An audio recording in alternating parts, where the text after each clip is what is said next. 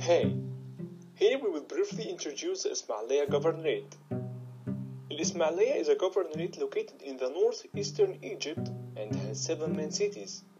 These cities are إسماعيلية، التل الكبير، أبو سوير، القصرين، فايد، East Kantara, and West Kantara. Ismailia is known for an almost warm climate with a pure air and a calm atmosphere that shows its beauty. it's also known for the historical sites and museums like the Great Archaeological Museum, the Commonwealth Cemeteries, and Tel al Mashuta, and the beautiful beaches and